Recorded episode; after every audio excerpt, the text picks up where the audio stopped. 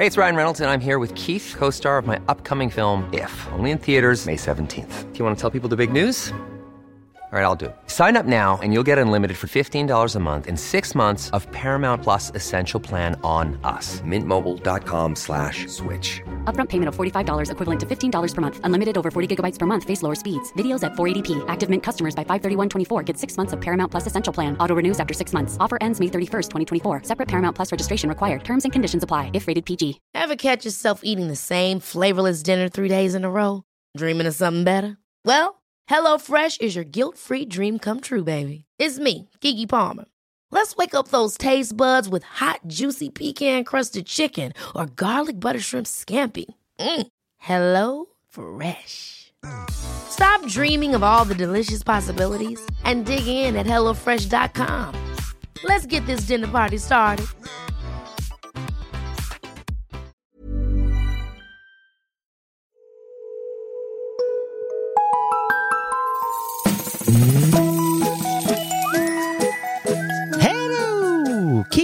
Och välkomna tillbaka till podcasten Mina vännerboken. God jul! Och till alla mina spanska lyssnare, Felatio Navidad. Om du liksom jag älskar den här podden så får du hemskt gärna bli Patreon. Eh, jag har inga jobb, eh, så det tas eh, tacksamt emot. Man får skänka precis vad man vill när man vill. Chippar man in fem dollar eller mer, då får man ju en egen fråga i podden till de kommande gästerna. Andreas Nordqvist heter en hjälte som har blivit Patreon sedan sist. Gör som Andreas, gå in på www.patreon.com mina Vannerboken. Nu kan man köpa min bok. Det känns vansinnigt att säga de där orden, men det är sant. Boken 2020 tänkte jag så här, min eh, skämtantologi, eller vad det heter, finns att beställa på www.robinberglund.se, hemsidan som jag gav ifrån oss eh, här på juldagen.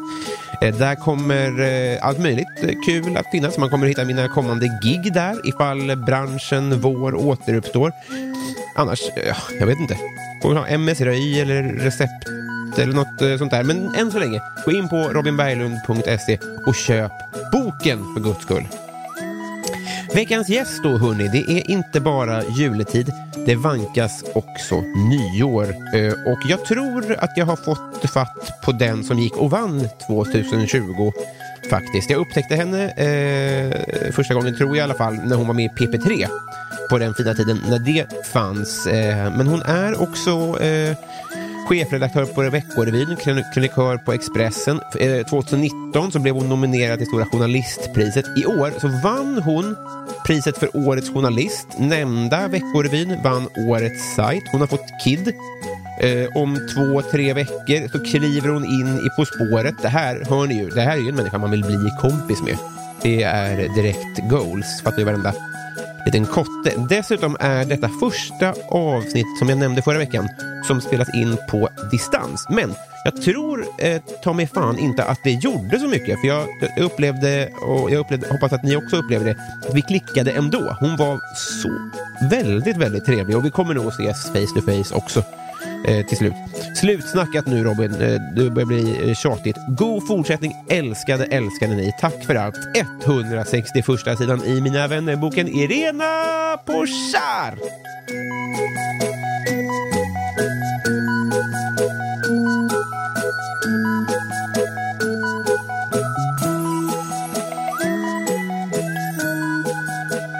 Hej! Hej!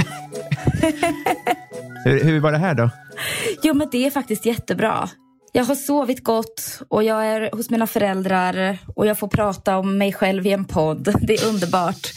Jag har drömt att jag har chattat med Harry Styles så jag känner mig helt nykär idag. Så jag är jätteglad faktiskt. Har du drömt att du har chattat med honom? Ja, Vilken modest ja det är som att min, min hjärna vill ta ner mig på jorden. Men jag drömde liksom att eh, vi typ träffades efter en konsert och han var så här, ah, jag måste gå nu. Och sen skrev vi lite på Insta. Men det, det som ändå fastnade var inte att ni möttes utan att ni chattade sen. Ja men att han liksom ville fortsätta. Ah, det var på hans initiativ. Ja exakt. Alltså, Är han lite husgud? Ja, han är väl det. Alltså, jag är faktiskt på riktigt lite så olyckligt kär i honom. Mm. Alltså så att jag kan typ tycka att det är jobbigt när jag ser honom med andra, med andra kvinnor. Mm. Alltså så som när man var liten, att man tänkte så här, när man var på konsert och man bara, om han bara ser mig så kommer vi bli ihop. Så är jag med honom fortfarande. Alltså att så här, om han bara visste att jag fanns så skulle ju det här hända. Och det är så jävla synd att han inte vet det. Och det är roligt att att, att alla ledsen. kvinnor känner väl så. Fast gör man det när man är vuxen? Men jag, jag upplever bara, för jag minns när du pratade så mycket om honom i PP3. Och då tyckte jag att det var så här, Mm. ja, alltså det är jag glad för din skull. Men nu känns det som att framtiden har gett dig rätt lite grann. Att han är ju Guds gåva till människan. Ja men han är ju det och jag är faktiskt jag är glad att andra har liksom upptäckt honom. Men det är lite som med Markus Krunegård också. Alltså att han, Markus Krunegård och Harry Styles är liksom mina killar. Och nu har alla andra börjat hålla på med dem. Mm. Och då blir jag liksom eh, ledsen och lite svartsjuk. Ja, det där är Ehm. svinirriterande. Ja.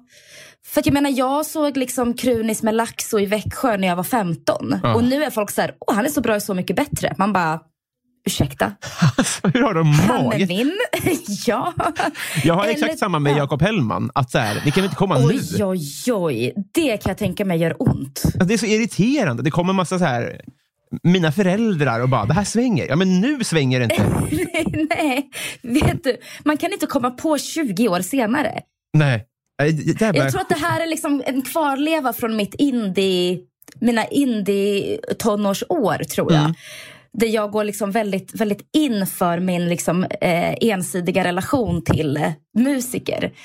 Och så blir jag jätte, liksom, vill pinka revir när någon annan försöker komma in och liksom, ta dem ifrån mig. Och Men tro att de igen- förstår dem.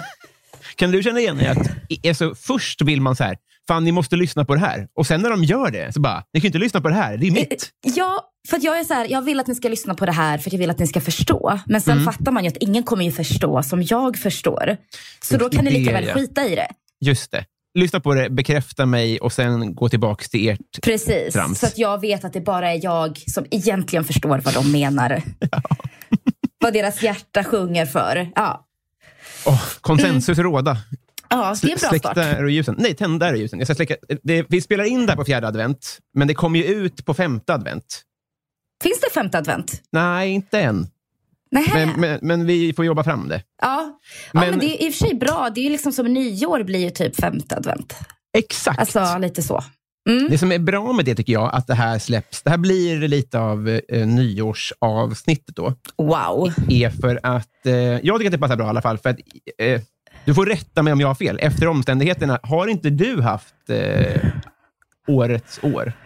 jo, jag, jag har ju det. Det här är ju liksom i, bland mina kompisar ett stående skämt där det påstås att jag har gjort en deal med djävulen och jag har offrat resten av mänskligheten för att jag ska få det bästa året någonsin. Kräma ur allt, ja.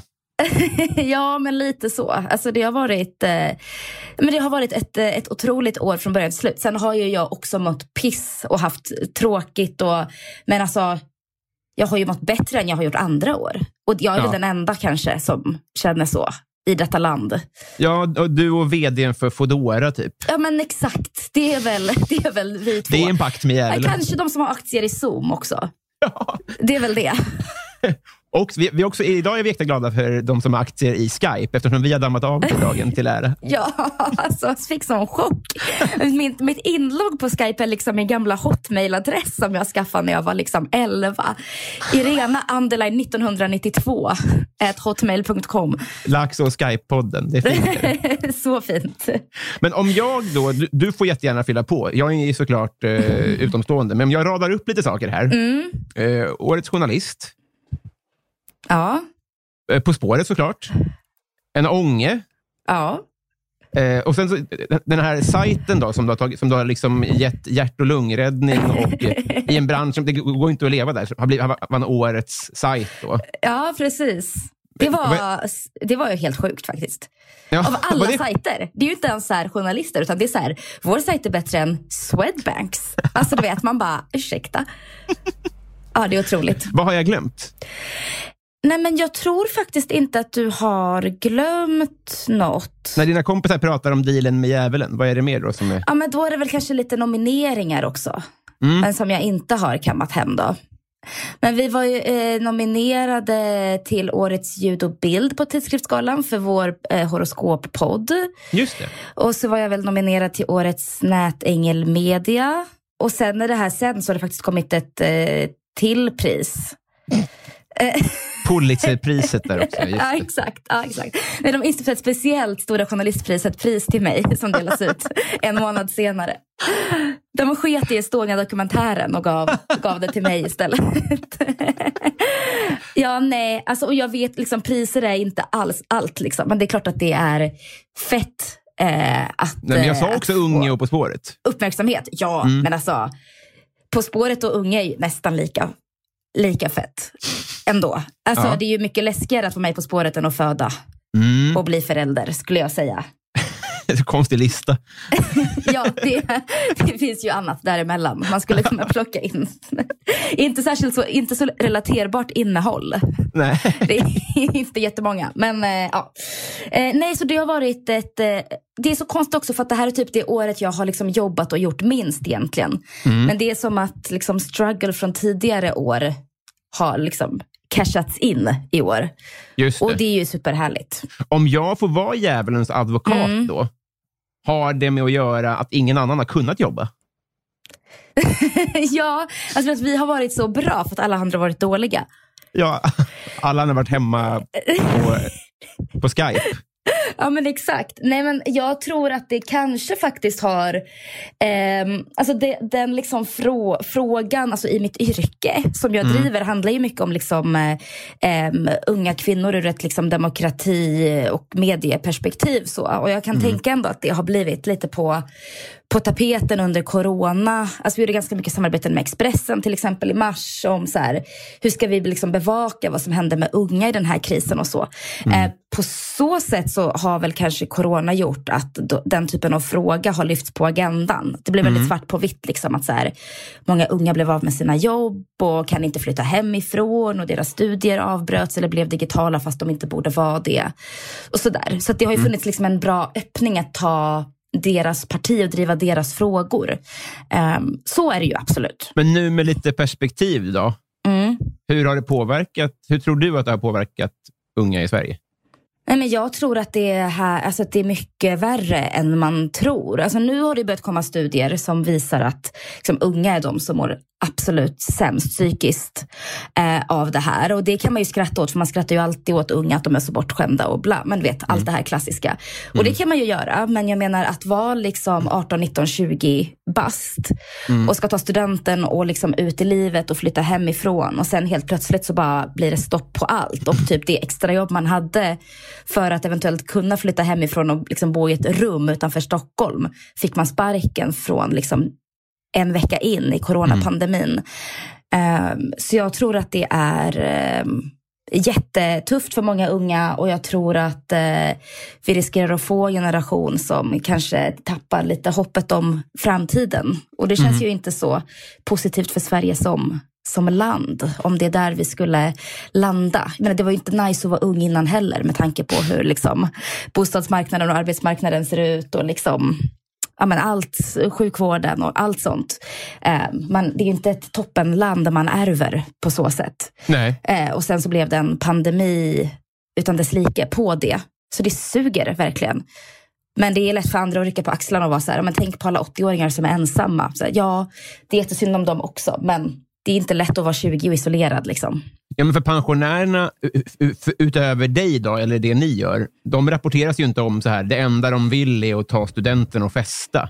Alltså, Det var det enda man hörde om unga i våras, tyckte jag. Mm. Ja, att det var ja. så här, men sluta gnälla om studentmössan. Va? Det kanske inte riktigt är det som är problemet. Nej, det är ju snarare så här, studenten är en jätteviktig symbol för någonting mycket större som också håller på att crash and burn med det här. Liksom. Och det är det viktigaste i deras liv. Ja, alltså på riktigt. Alltså studenten var så jävla, jävla rolig. Alltså det är det enda man har pratat om från att man gick typ i fyran. Ah. Och sen bara, nej. Och så får man inte ens klaga för då är man liksom en bortskämd, eh, då är man en bortskämd liksom millennial som inte fattar Ja. någonting typ. Eh, Bli arg blir jag. Nej men helt ärligt så tror jag att eh, det kommer få jättejobbiga konsekvenser psykiskt för många eh, unga. Och Mm. att eh, det kommer ta ganska lång tid att återhämta sig. Det är inte de som kommer prioriteras när det gäller jobb och så heller. Nej. Att de ska liksom tillbaka på, upp på benen igen. Så att eh, vi får väl se.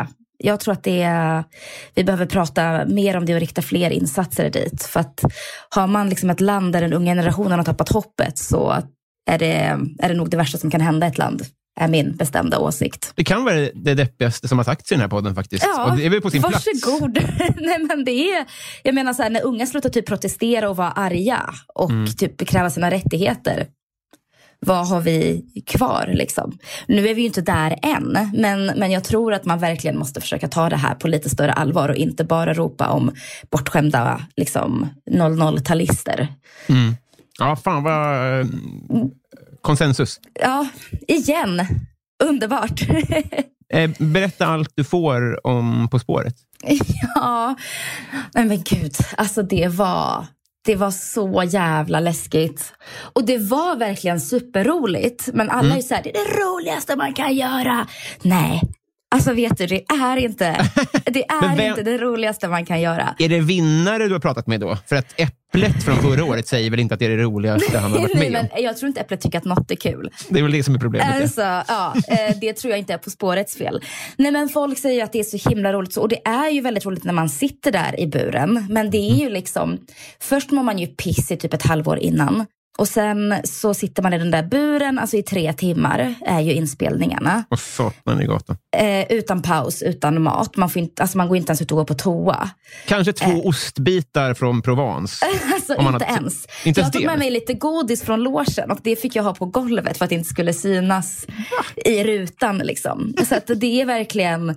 Nej men, och när man tänker så här, jag får inte gå på toa. Mm. Då, bara det är ju liksom en, en panik. Mm.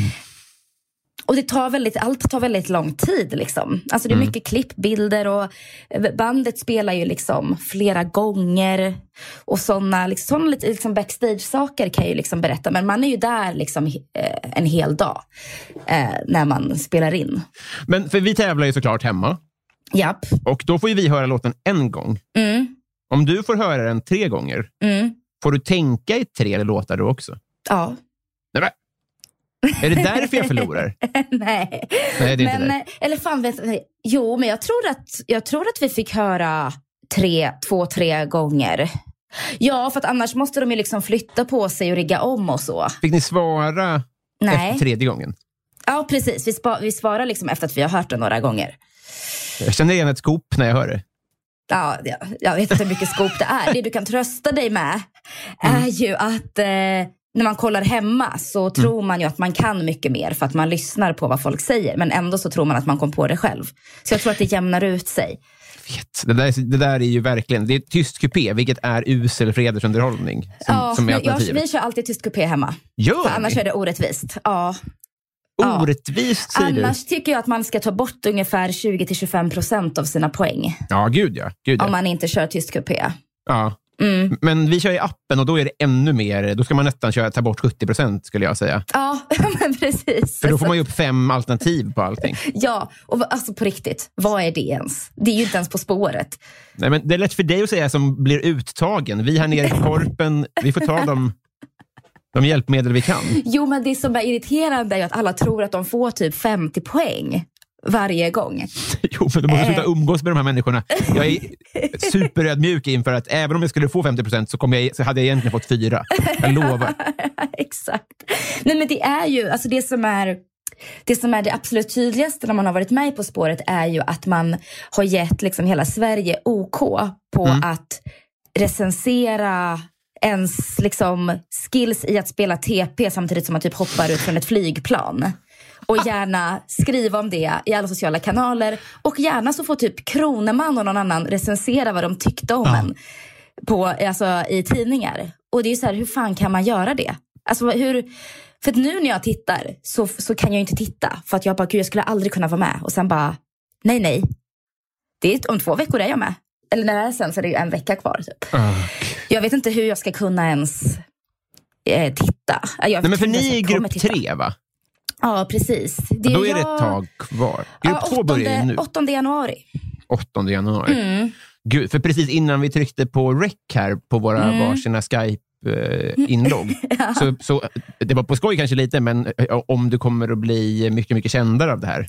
Ja, Vi har ju Alltså, man- Sara Klang som... Ja, nu skulle jag säga att eh, Sara Klangs talang kanske lite mer så går att ta på eh, och uppskatta eh, än min talang som är att gissa hej vilt. Får se vad Kroneman eh, håller med om det. Ja, vi får se. Ja. Men eh, det, man kanske blir lite mer så liksom household name på något sätt. Mm. Sen kommer ingen komma ihåg vad jag heter tyvärr för att alla tycker att mitt namn är så svårt.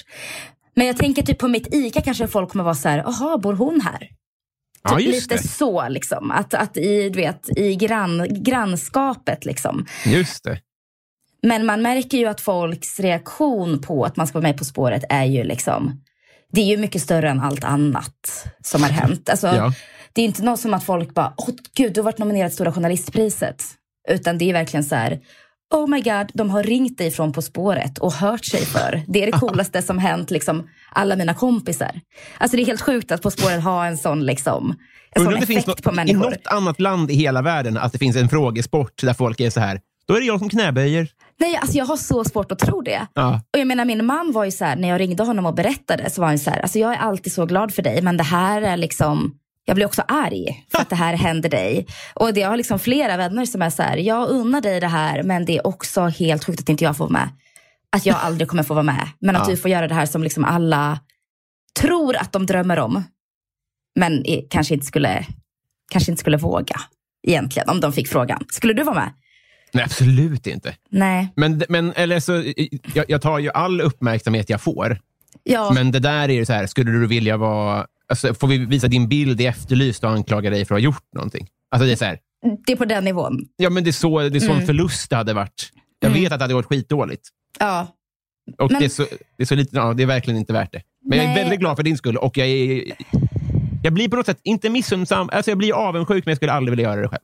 Sådär. Nej, och det är ju det. För att man vill ju också, jag tror också att många känner så här, varför, varför får hon frågan? Nej, men Alltså, sluta att vara så himla Jo, men- ödmjuk. Jo men så här, jag var typ så här, hur kan typ André Walden och gud, så Linnea Wikblad, hur kan de inte ha fått frågan? Men varför har jag fått frågan? Alltså det känns ju liksom helt sjukt. Och det var också därför jag sa nej först och nej andra gången och sen sa jag ja. För att André Walden ska få förtur. nej, för att jag inte vågade. Jaha. Och så Ja. lät jag mig bli övertalad. Ja. Ehm, Men för, när de ringde först så skrek jag bara nej. Va? Rakt ut. Vänta, vänta, var det här tredje året du fick frågan? Nej, det, allt det här är samma år. Ja, ja, ja. Alltså, det här är så här, vi, eh, vi tänkte fråga om du vill eh, göra uttagning På spåret. Nej, nej, nej, nej, nej, nej, hej då. Så. Och sen bara, men du kan väl bara göra uttagningen? Så bara, ja, okej då. Sen efter uttagningen så bara, nej, nej, nej, jag, eh, jag behöver lite betänketid. Jag, de bara, men Patrik har redan sagt ja. Jag bara, nej, men jag tror inte att jag, att jag vill det här. Typ. Och sen bara, fan vad jag kommer hata mig själv om jag säger nej. För då kommer jag Ja. aldrig mer få frågan. Ja. Mm. Bra. Nej, det var- Jag är väldigt glad att du hakar på såklart. Ja, svårt, svårt beslut och jätteläskigt och jag är otroligt eh, ödmjuk inför att eh, ha fått eh, frågan och sen faktiskt ha fått eh, vara med. Det känns som ett privilegium faktiskt. Jag förstår att man inte får prata om det, men jag måste ändå fråga om det här eh, årets skandal. Då. Rektor Hamid. Eh, Exakt. Hur det vi påverkar det prata, er? Det får vi prata om tänker jag. You, you tell me. Ja, nej men det, det tror jag vi får prata om. Nej men Mm. jag ehm, var ju ganska tidigt ute och sa att eh, jag inte skulle vilja delta i ett program där han är med efter det som kom fram som var liksom Mm. extremt grova antisemitiska och sexistiska uttalanden. Mm. Ehm, och med tanke på liksom den ställningen På spåret har och hur mysigt det är så skulle det faktiskt vara helt eh, otänkbart Mm. att han skulle vara med. Men det var ju verkligen kaos för produktionen Mm. bakom. Alltså de hade ju redan spelat in den omgången och sen ska man liksom byta ut och du vet då ska ju så här artister ska tillbaka och allt ska göras om och det är under corona och ja men det var ju jätte, alltså jättehemskt och jättejobbigt på alla sätt och vis. Men eh, det är ju sjukt att det också händer med eh, min vän ju och gamla chef Frida Boysen som Ja, ju är liksom, eh, trolljägare och som absolut står väldigt långt ifrån den typen av åsikter. Alltså, vilken skräck att inse att ens partner i en fucking bur har liksom sagt sådana saker. Det är ju, det är ju vansinne. Varför fick inte hon vara med igen? Det fattar inte jag. Varför kunde de inte bara ge henne en ny deltagare att tävla med? Men alltså, jag har ju läst mellan raderna på att hon ska bli tillfrågad nästa år. Så jag Ah. hoppas det. Det känns ju jätte, jättefuskigt annars. Då måste de välja, de måste verkligen vätta den personen. Ja, ja alltså de får typ sätta en så grävjournalist från Uppdrag granskning på att så här, kolla upp bakgrunden på den. Men jag tror att de, alltså ärligt talat, anledningen till att eh, de inte bara tog en ny är ju för att jag, de de verkar ju liksom test, alltså de testar ju paren ganska mycket. Typ. Alltså att man funkar ihop och att man har ett kunskapsnivå och sådär. Ah. Så jag tror inte de vågade, utan då tog de någon som de redan visste funkade. Liksom. Just det. så det, är- det är ju det. Det är ju därför man gör de här uttagningarna och sådär. Liksom, för att de ska kolla lite om man klickar och om man kan basic saker innan de kastar den till vargarna. till vargen. Mm. Men det, var, det, det är knasig kombo att det är extremt viktigt hur det går samtidigt som det är 100% mys. Ja, och det sa, då när jag sa nej först så sa de hela tiden men det här är ett underhållningsprogram. Det här Mm. är inte ett frågesportsprogram. Men det är ju inte riktigt sant. Nej. Alltså det, är ju, det är klart att det är underhållning också. Och man kommer ihåg massa lag som inte vann också. Mm. Så. Och man kommer ihåg de som är härliga. Men det är Ja. klart att man inte vill framstå som dum inför två och en halv miljon tittare. Liksom. Nej.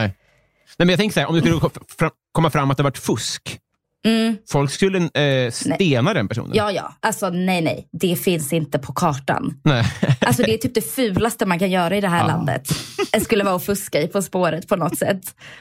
Usch. Ja, nej, men, eh, det är ju det är knepigt. Det, det går ju inte att gräva i ifall du fick ställa in matcher och sånt där som, som vi inte får veta hur det gick. Och Nej. sånt där. Visst är det så? Nej, nej, men, eh, nu har vi ett nytt hej-objekt här om inte annat. Min, åtminstone från grupp tre. Heja objekt. Ja. Ja, ja det känns toppen.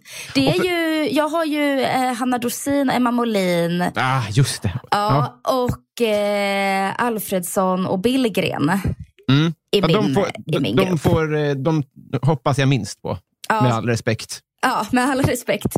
Eh, nej, men jag kan säga en till, eh, en till grej om På spåret är ju att eh, en grupp, det här vet jag inte om jag får säga, det tror jag. En, en liksom grupp varje år som är den roligaste gruppen får gå på en fest som Fredrik Lindström anordnar på sitt hotell. En grupp? Eh, alltså en av tävlingsgrupperna, liksom. alltså en omgång varje år. Och i år var det faktiskt vår grupp Nej. som fick gå på festen. Jo, så då hade vi, och då var ju bandet med också, det var Helicopters. Så då satt vi och, och åt och drack och eh, hade musikquiz hela kvällen. Otroligt. Det kan jag berätta. Ja. Men, så då vet man att det är en grupp. Man, alltså, om man märker direkt, bara, satan, vi fick, eh, ja, nu ska vi inte namn men vi fick trök-gänget här. Ja, då, blir det, inte ingen. fest. Nej, då får man inte sms från Fredrik där det står så här. Tja, tänkte flagga för att det blir middag på måndag. Hälsningar. Fredrik, Fredrik L. Ja. Wow! Wow. Ja. Var det livat? Ja, men det var faktiskt ganska eh, livat. Emma Molin var livad. Väldigt vad glad, nice. väldigt tävlingsinriktad. Gud, vilken goals. Det var blev jag sugen på att ställa upp i alla fall. Mysigt. Ja, bara för festen. ja, gud. eh, kära du, eh, dels eh, så vill jag ju ha en ny eh, ett hej-objekt. Eh, och så vill jag ha en kompis. Mm. Det är därför vi är här, tänkte jag. Det låter perfekt. Det är intressant det här just att vi inte har träffats förut. Nej. Att det blir någon form av eh, sån här flyktig brevvän till att börja med. Ja, väldigt flyktigt. Mm. Långa pauser mellan, mellan svaren. Vem vet, min Skype kan gå varm. Vi får se. Men jag tycker det känns ändå väldigt naturligt fast det är på Skype. Måste jag ändå säga. Verkligen. Men tänk, tänk om vi sågs live. Ja, jag vet. Men visst var Nej. det så att när man hade en flört så det blev alltid stelt på Ja, T-centralen? ja, vi kanske bara är sådana som funkar bättre digitalt. Pandemibästisar. Ja, s- ja, det är väl en bra start om inte annat. Ja, jag tycker Skicka det. luktsudd till varandra. Men det kanske också är lättare för sen då när pandemin är över, då kan vi dricka när vi ses. Och då är det ju, då är det ju mycket lättare än att ses här klockan 12 på en söndag första gången. Ja, just det. Mm. Men eh, jag är även öppen för Skype-fylla. Jag med. Mm. Ska vi köra nu? Nej, men eh, Frågan är fri. det är det verkligen. Men det, det blir nästa gång. Men nu, satan vad fort eh, det har gått lång tid. Det här båda gott. En Eh, halvtimme har vi pratat. Mm. Sjukt i huvudet. Jag, jag drar i jingeltråden nu så åker vi till kompislandet tillsammans. Let's do it.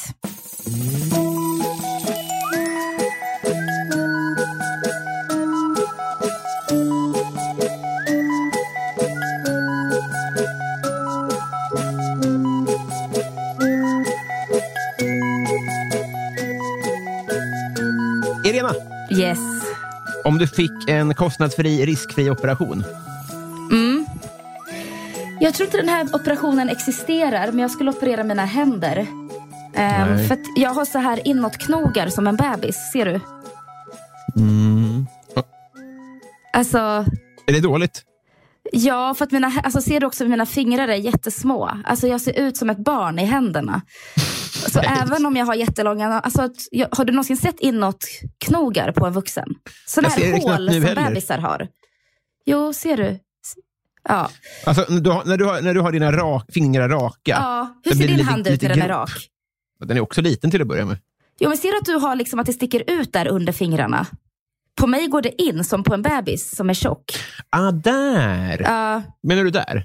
ja precis. Eller? Nej, alltså Nej, men det här Du- syns Det här du inbillar dig. du kan inte ens förstå. För att du förstår inte hur det kan vara ett hål där det ska sticka ut någonting. Nej, Jag ska skicka en bild på min hand sen så får du se. det får du göra. Det, Jag, det, jag skulle i alla fall operera min hand så att den inte var en bebishand utan var en vuxenhand. Eller Just båda det. mina händer, inte bara en. så åtta stycken små pluttar i silikon. Ja, fast jag vill ha på tummen. Ja, tio blir det. Tio då. Ja. Måste gå silikon och en fingerförlängning. Fingerförlängning också. Den Ja. kommer nog göra ont. Ja, det tror jag. Tänk dig den rehaben. Aj, aj, aj. Ja, det skulle jag det- göra på direkten. Utmärkt operation. Eller ja, det är ju bara det. Det är, Ja. det är ingenting. Eh. Eh, sen undrar jag såklart, eh, karaoke-låt? Not ready to make nice med Dixie Chicks. Åh, jävlar vad bra den är. Citat, den handlar om mig. Mm. Skräll. Ja, den är så jävla bra. Men också... För man kan också vara arg och så kan man så här, du vet, räkna upp det argt och skrika och sjunga högt. Verkligen. Det Det är en är gött att kunna ta med sig två kompisar också om man vill. Ja, ja. Och göra en liten dans. Ja, Turas om att stå i mitten. Det kanske är det som blir vår första kom- kompisdejt. Att Underbart! du, jag och Äpplet sjunger stämsång.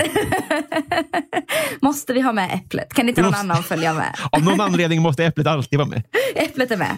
Okej, mm, han får bakgrundsdansa då. Det kan jag gå med på.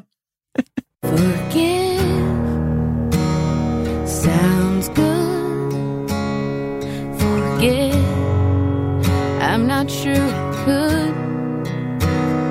They say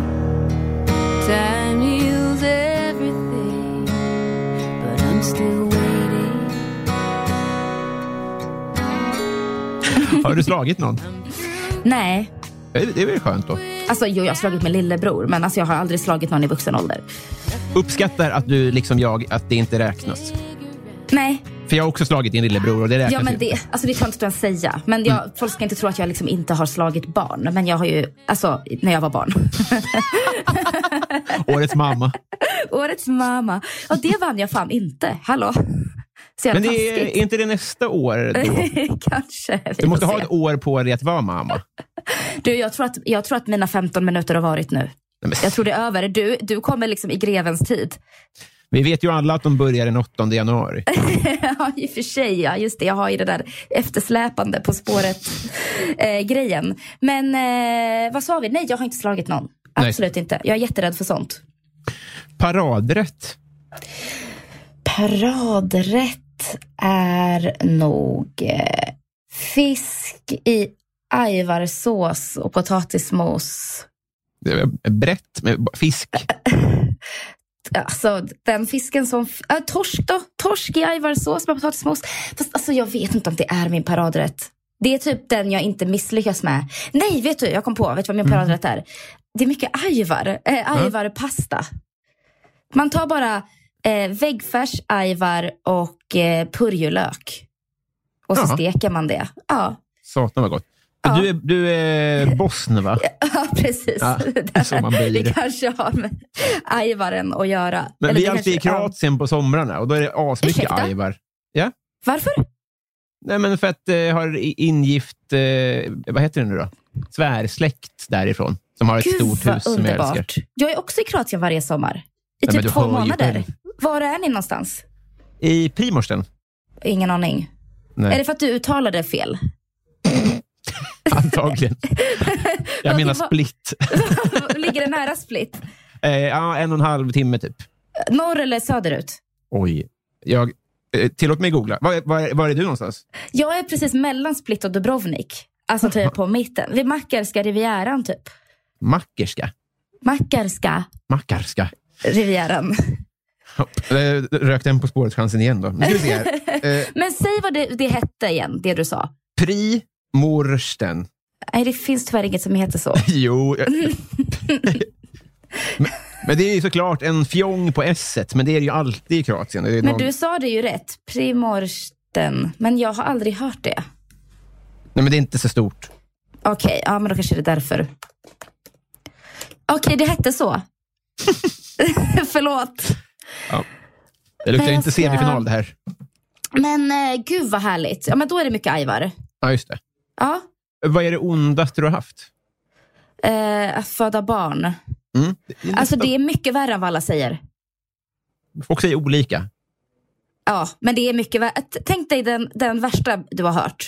Mm. Och så ondare. Så Mm. var det. Men, eh, men eh, det är skönt nu då att ha det bakom sig. Är det som lumpen, att så här, man kan skryta lite om det för att man har överlevt det? Det känns inte som att jag har överlevt det. Det känns Nej. som att det, det hände mig och sen så blev inget sig likt igen. Mm. Jo, det blev det. Men så här, när man, eh, en sån grej när man föder barnen, när man är på BB sen, så har de som mål att man ska liksom vilja föda barn igen när man åker därifrån. Alltså att man ska liksom vara så, så glad och lycklig. Och typ, Går de på provision? Men eller hur? ja, kanske i framtiden. Ehm, men eh, vill man inte föda igen, då ska man gå ett sånt där krissamtal. typ, så här, vad gick fel under din förlossning? Typ. Och jag var så här, jag tänker absolut aldrig föda igen. Liksom. Eh, men vill ju gärna ha fler barn. Så därför känns det snarare som att jag har kommit liksom halvvägs i ett krig Ja. och ska utkämpa ett till. Men det gör så ont. Och det är olika, det säger så här barnmorskor också. Men det är som att någon sätter, liksom ett, tänk att någon sätter typ ett skruvstäd mellan dina ben. Typ. Vad är nu det? Alltså sånt som man liksom har fast, sätter fast någonting i, typ när du ska såga. Tänk dig i träslöjden. Men jag kan visa här. Är det den skruvgrejen där? Ser du? Eh, ja, precis. Ja. Varför har du sån hemma? Jag vet- Obehagligt. Ja, jag köpte bara kon. Har två. Ja, okej. Men om man, om man drar åt en sån... Fast tänk att du drar ut den. Ja, ja du är den. Eh, nej, alltså att man sätter in den mellan mina ben och sen öppnar man den så mycket man kan. Ah, uff. Ja, Tills ens kropp går av på mitten. just det. Längs långsidan. Så känns det ungefär. Ja, Jättefin liknelse. ja tack. Eh, men hur gick krissamtalet då? Ja, de, eh, har- de glömde skicka remissen. Så att, eh, det står på min att göra-lista innan nyår också att jag ska ringa dem. Men det kommer bli toppen. Alltså det blir ju bättre och bättre för varje dag. Men det är verkligen piss. Alltså det är inte alls... Eh, folk är så här, åh all smärta försvinner när man får bebisen på bröstet och allt är så härligt och man är en superkvinna. Och jag var så här, Mm. dude på mitt bröst, eh, du har gjort det här mot mig, I don't like you, typ. eh, skrek om kejs- alltså att jag skulle göra kejsarsnitt nästa gång och sen tog jag en sömntablett första kvällen på BB för att sova och skickade iväg min bebis med min man. Eh, fan, nu kommer jag aldrig vinna årets mamma, men eh, Nej, så allt var det här du säger är ju, anledningen till att du inte vinner. Och, jag, och det, jag respekterar dig för det, men de vill väl ha den här äh, mirakelkvinnan? Ja, så här, jag, jag födde hemma i min säng och så kom det en prutt och så kom bebisen ut. Men jag behövde liksom 24 timmar där jag var så här, fy fan vad det här sög. Och sen så kunde jag liksom, du vet, släppa det och bara, jag har världens gulligaste bebis, typ så. Men det var verkligen inte så att jag bara, allt försvann när han kom ut liksom. Nej. Nej. Det, jag tänker att det är, bra, det är liksom viktig samhällsinformation Mm, till, till kvinnor, tycker jag. Bra, för överbefolkning här. Nu är det ingen som är peppad på någonting. Nej, nej, avstå gärna om man inte har en stark barnlängtan. Just det. Vad får dig att gråta? Um, gud. Jag är kanske inte så lättgråten som man tror. Men jag gråter ju väldigt mycket av eh, liksom sjukhusserier. Alltså jag gråter av liksom Grey's Anatomy och sånt. Men också typ om jag kollar på, det har kommit en ny serie nu på Netflix som heter Elitkirurgerna. Där man får så följa riktiga kirurger som typ, du vet, revolutionerar hela liksom sjukvården och gör att människor överlever. Typ. Sånt kan jag gråta, gråta väldigt mycket av. Mm. Det är eh, rika människor där va? Det skulle jag tro. Jag tror att de är väldigt, väldigt rika. Alltså det känns ju som att alltså framförallt liksom utomlands att kirurger är ju typ som rockstjärnor. Mm. Men även i ekonomin. Ja, men precis. Men även i Ja. Sverige, så här, Soldoktorn har, han, han har ju grill i vardagsrummet. Är han kirurg? Nej, nej i och för sig inte. Han, han är väl hus överläkare va? Hans hus är sjukt. Alltså det han sålde nu. Alltså det är sinnes.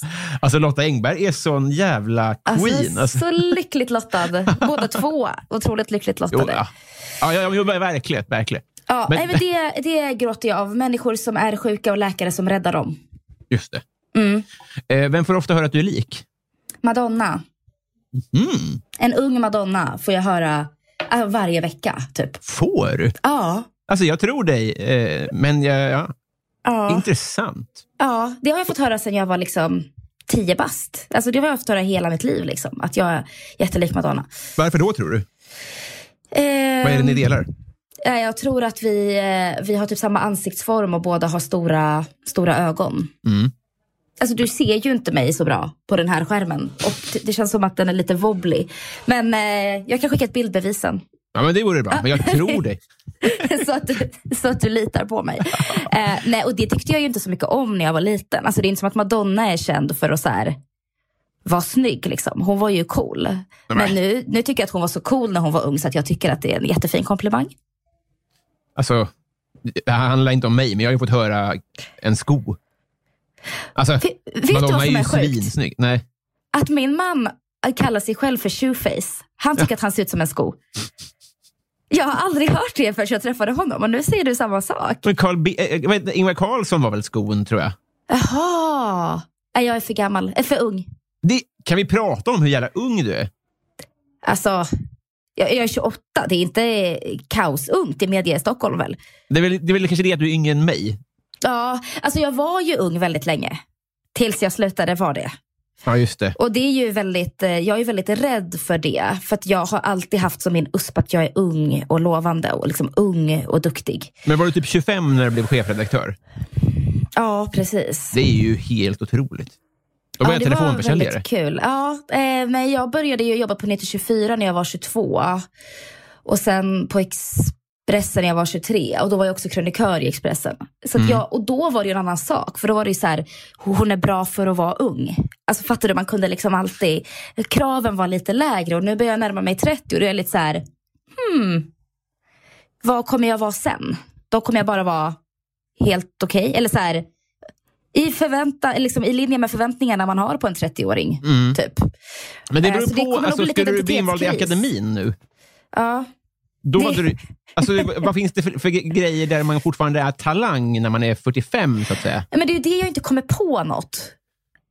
Nej. Alltså då måste, jag tror att typ, jo men om man typ skulle Fast nej, för att även att typ så här komma på tjänster och sånt som blir jättestora, det är ju också typ unga som gör. Så att jag, jag vet liksom inte, och styrelser är ju så här, vem fan vet vad som sitter i styrelser?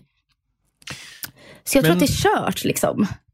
Statsminister, vad är det yngsta vi har haft där då? Jag vet inte. Det, det Ingen väl, aning. Det, det vore väl fräckt? Nej, men jag skulle hellre dö än att gå in i politiken tyvärr. Är det så? Ja, jag vet. Alltså jag har eh, tänkte länge att jag kanske skulle kunna göra det och så. Men att eh, jag tror att jag alldeles eh, för mycket tycker saker. Och att det skulle vara ganska svårt för mig att samarbeta med folk i politiken. Men att du investerar för mycket känslor i det, eller? Nej, men att jag är ganska liksom... Jag tycker det här och då är det så. Alltså typ, eh, nej, vi kan inte vara inne och pilla i liksom, asylrätten och flyktingpolitiken. Oavsett om det betyder att jag måste avgå. Alltså typ så. Eh, och jag tror inte att det är särskilt bra om man är politiker att inte kunna kompromissa. Eller jag Ah. önskar att vi hade politiker som inte gjorde det. Men jag tror inte att det, jag tror inte att det går att vara politiker om man liksom ska hålla fast så mycket vid sina, sina åsikter. Liksom. Nej. Jag har jättesvårt att ändra mig. Det låter ju deppigt att bra politiker är folk som tycker ganska lite. Ja, men de gör, gör ju det tycker jag. Alltså de, eh, allting kan ju anpassas eh, för att få inflytande. Ja. Eh, och det är ju, super, det är ju supertråkigt. Alltså, Gud, jag vet inte, brukar den här podden, jag har inte lyssnat så mycket. Jag vet, jag vet inte om vi ska liksom diskutera politik, men alltså, Jag är jag, är, ju mer fan av liksom den väldigt ideologiskt drivna politiken och kanske inte den maktdrivna politiken. Och jag kan känna att vi i Sverige har en politik som mer drivs av eh, makthunger än, än viljan att faktiskt eh, driva igenom det man, det man vill. Alltså Men vart man, är det annorlunda? Vad sa du? Vart är det annorlunda nu för tiden? Ja, kanske Kina. Nej, men jag vet inte. Det är väl, det är väl annorlunda i diktaturer. Liksom. Ja, just det. Förespråkar inte jag det. Men, Lite men, så lät det. Eller? Jag skulle kunna tolka det så. Ehm, men det, det kanske inte är liksom... Jag har inte så bra koll på utrikespolitik. Men jag kan bara liksom sakna att så här, nej men vi rör inte LAS. Punkt slut. Typ.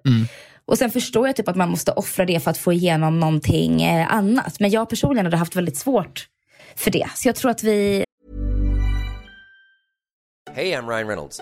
På Mint Mobile, we like to do the opposite of what Big Wireless does. They charge you a lot, we charge you a little. So naturally, when they announced they'd be raising their prices due to inflation, we decided to deflate our prices due to not hating you. That's right. We're cutting the price of Mint Unlimited from $30 a month to just $15 a month. Give it a try at mintmobile.com slash switch. $45 upfront for three months plus taxes and fees. Promo rate for new customers for limited time. Unlimited more than 40 gigabytes per month. Slows. Full terms at mintmobile.com. Ever catch yourself eating the same flavorless dinner three days in a row? Dreaming of something better? Well, HelloFresh is your guilt-free dream come true, baby. It's me, Kiki Palmer. Let's wake up those taste buds with hot, juicy pecan-crusted chicken or garlic butter shrimp scampi. Mm. Hello Fresh. Stop dreaming of all the delicious possibilities and dig in at HelloFresh.com. Let's get this dinner party started.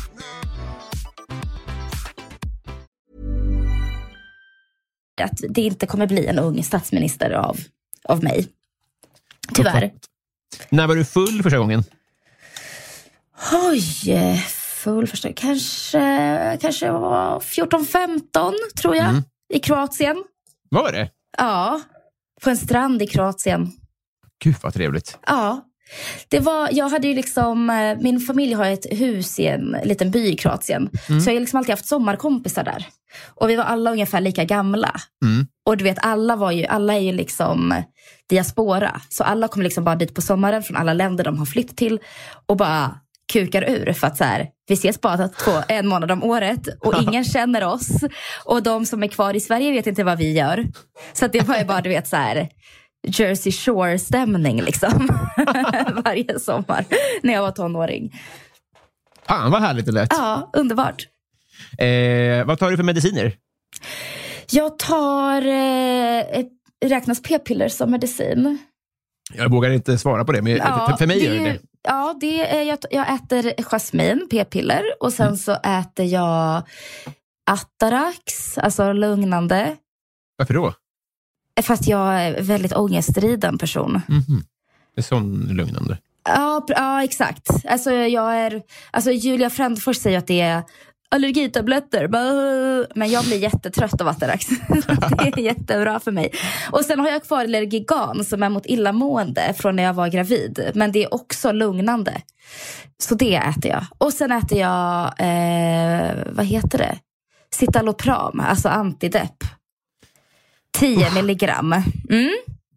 Man, sitter här och ömmar för dig. Ja, men jag, tror, jag känner ingen som inte gör det, helt ärligt. Det är min, min generation av eh, medicinerade unga kvinnor. Ja. Men, eh, och det har jag gjort eh, ganska länge. Alltså jag har ätit ganska låga doser av medicin ganska länge och mår rätt bra på det. Liksom. Ja, ja, ja, Ja. Det, det, det, det, då så. Ja, så det är ingen, ingen, liksom, ingen fara. Det är snarare så att jag typ så här, varför ska jag sluta när jag mår bra? Typ. Nej.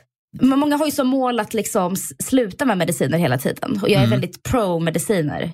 Ja, Jag är så här, typ får jag en liten känning i huvudet så tar jag direkt en Alvedon. ah, samma. Alltså, så jag fattar liksom inte det. Framförallt killar är så här, att de typ aldrig har Alvedon och Ipren på sig och typ aldrig tar värk, eh, värktabletter. Men vi har ingen eh. handväskekultur. Nej, det är jättekonstigt. Men när jag var, alltså senaste åren så har ju jag, min man börjat alltid ha Alvedon och Ipren med sig. Mm. För att jag är så här, du måste ta ansvar för vår familj genom att så här, alltid kunna medicinera oss. Mm. Eh, och det går faktiskt rätt bra.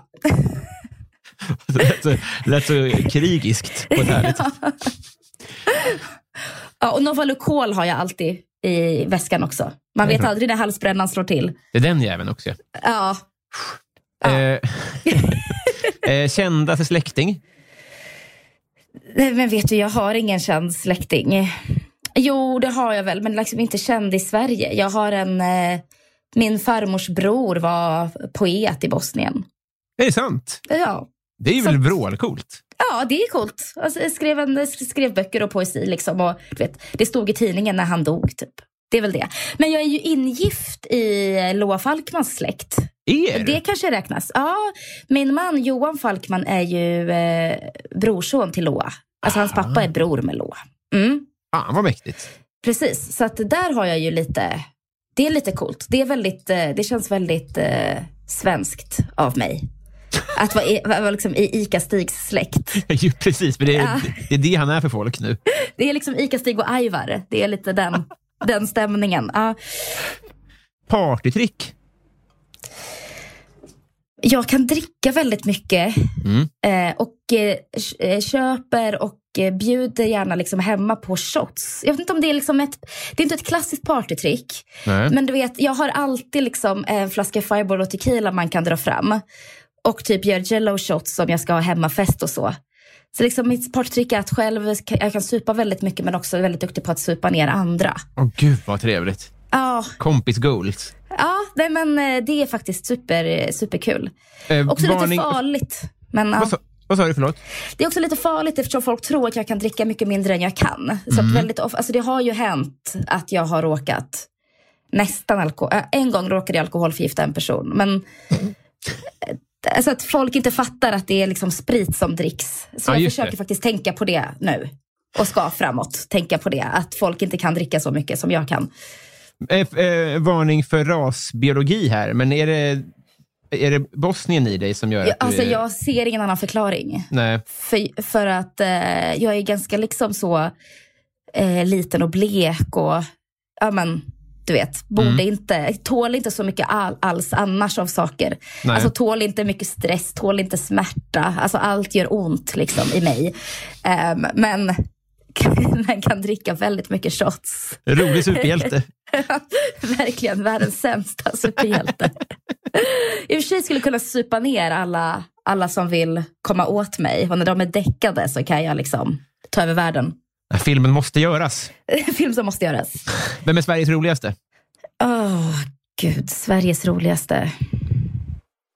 Men det är så många av mina kompisar som tycker att de är Sveriges roligaste som kommer bli så ledsna om jag inte säger dem. Alltså, både Julia Frändfors och Maria Tengeblad. Mm. Alltså, Julia är ju känd, det är ju inte Maria. Men Maria är ju så här Twitter... eh, Twitter-rolig liksom. Mhm. Eh, och de två är ju bästa, bästa kompisar. Men de två är väldigt, väldigt roliga. Mm. Men är det framförallt att de vill att du ska säga dem? Nej, men de är också det. För jag skrattar högt väldigt ofta. Mm.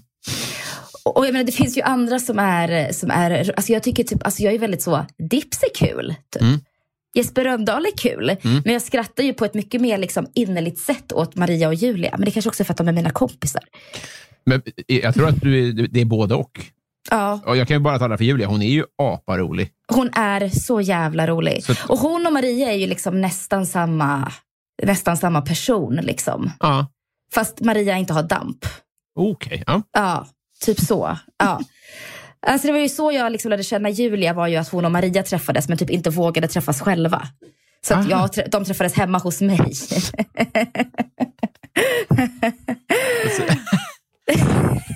Jag kommer inte på någon liknelse, men det låter som något här, eh, något, något tvångsäktenskap eller något? Jag var ju chaperone, eh, alltså mellanstadiedisco, föräldern som fick liksom vara med. Bjöd på mycket shots. Och sen blev det en, en lång, lång och sprudlande vänskap efter Ett härligt mellanstadiedisco. det. ja. Alkoholförgiftning. Har du varit i Romme alpin? Vad fan är Romme alpin? Det här man avslöjar vilka som inte har lyssnat på podden, vilket är rimligt. Men, Ah. eh, men det är en skidort eh, i Borlänge, typ. Nej, jag har inte varit... Jag, jag, förra, första gången jag var på en skidort var förra året. Mhm. Och då var jag i Lofsdalen. Så nej, det har jag inte varit. Nej. Nu har vi kommit fram till Patreon-frågorna. Mhm. Nu är det lyssnarfrågedags. Ja, kul. Kan inte nog betona att eh, rulla gingen. Patreon. Ja, men då ska vi se vad eh, de, de kära lyssnarna har att fråga Ja. här. då. Eh, vi börjar med Joel V. Kall. Mm. Han undrar så här då. Du står på jordens yta. Du går en mil söderut, en mil västerut och en mil norrut. Mm. Du hamnar exakt där du startade. Var är du? Jag förstår ingenting. Nej, jag, det är, jag, jag fattar är inte det en heller. första gåta? Ja, Men vad då jag exakt där jag startade? Kan du ge mig en ledtråd? där du är nu, Ja. alltså i Växjö, då Ja. skulle du behöva gå en mil söder, en mil väster, en mil norr och en mil öster. Ja, precis. Då är Men här är det alltså söder, väster, norr. Ja, Och då finns det alltså någon plats på jorden där det gäller. jaha, det finns en plats Ja, där det, det finns gäller. faktiskt lite flera, men en, en som är lättast att fatta. Men jag fattar inte heller. Bermuda-triangeln. Bra tänkt. Superfel. För triangeln har ju bara tre Ah, sidor, du tänker liksom. så. Ja. Alltså det är ju helt fel, men det var liksom det enda jag kunde tänka. Ja. Väldigt. Nej, men det som är rätt är att man går i en triangel. Men Mm. det som i alla fall, som jag har fått lära mig är lättast, det är Nordpolen. För om du är Mm. på Nordpolen och så går du en mil söderut, det spelar ju typ ingen roll vart du går då. Du kan ju, kanske till Sverige någonstans.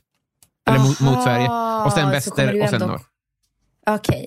Ja, jag, eh, jag tänkte att man skulle vara liksom på samma latitud. Inte bara samma liksom... Nordpolen är jättestort. Du menar att det skulle vara Nordpolen vart man än hamnade på Nordpolen? Nej, men det får vara exakt den nordерsta pricken blir det ju då. Alltså vad, är, vad den nu heter. Ja.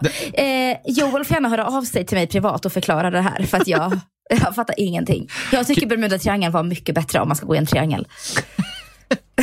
Vad kul för Joel då. eh, Desi Hietala, hon undrar så här då. Om man inte har en sån här podd, hur blir man då din kompis? Frågar hon mig det? Mhm. Hur man blir din kompis? Eh, nej, hon undrar om... För min podd går ju ut på att jag ska bli din kompis. Ja, just det, hon undrar hur man blir min kompis. Just det. Ja, eh, man blir min kompis genom att så här, svara på saker jag skriver på Twitter och sen så bara, åh, ska vi ses på en AV? Va? Och så gör man det. Jag har faktiskt jättemycket internetkompisar. Så man kan börja med att vara liksom rolig och härlig på internet och eh, vara öppen för nya vänskaper. Så kan man bli kompis med mig. Perfekt! Ja, Vilket bra Yes. tips. Det är eh. Desi Hietala. Så det, här kommer, det är som upplagt för vänskap. Det där. Eh, Sundsvallsbönan, hon undrar eh, favoritbrottsling. Favoritbrottsling... Eh... Gud, jag är ganska dålig på brottslingar. Men eh, jag tycker ändå att Al Bundy var ganska eh, spännande. Mm. Alltså jag såg den här filmen av, med honom, om honom med Zac Efron, va? Just Visst är det. det han? Oväntad Ja, cast. Ja verkligen. Mm. Alltså vad gör Zac Efron? Han bara håller på att bli liksom en riktig, en riktig, riktig skådis. Nej, men han var spännande, typ dels för att han så här, låtsades vara halt och sånt, men också att han var så himla, du vet, polerad och, och uppklädd och liksom Mm. eh, fancy typ. Så det, det, ja, det, är väl, eh, det är väl han då. Men jag, det är verkligen ett jättetråkigt svar, för jag har inte alls så bra, så bra koll. Jag är väldigt fascinerad av liksom mord och jag älskar så okreddigt så här, true crime och deckare och läser en massa deckare och sånt. Ja. Men, men jag har liksom ingen, eh, ingen eh, liksom, brottsling i verkligheten som jag är så där jättefascinerad av. Jag kommer spränga in en fråga, för jag glömde fråga den i början. Mm. Men jag tänker på Veckorevyn. Ja. När du berättar vad du jobbar med för folk som inte vet det, Mm. kommer det med massa fördomar då? För jag har haft Henrik Wahlström, känner du till va? Nej. Han är en Instagram-kille som lägger upp massa här gamla Ja, grejer gamla från... Veckorevyn-grejer ja. Ja, men till exempel veckor, men också Frida och de här. Ja, ja, ja. Och det var ju skit då. ja. Bara min fördom är att du får ta en del av smällen i det. Alltså jag skulle säga att det absolut svåraste med att driva Veckorevyn är att man måste tvätta så mycket hela tiden. Alltså man måste förklara för folk hela tiden vad Veckorevyn är. Och sen så är det också väldigt mycket liksom, ja men typ den här killen då, vad heter han, Henrik, ja, som är så här, "Eh, kolla vad dåligt.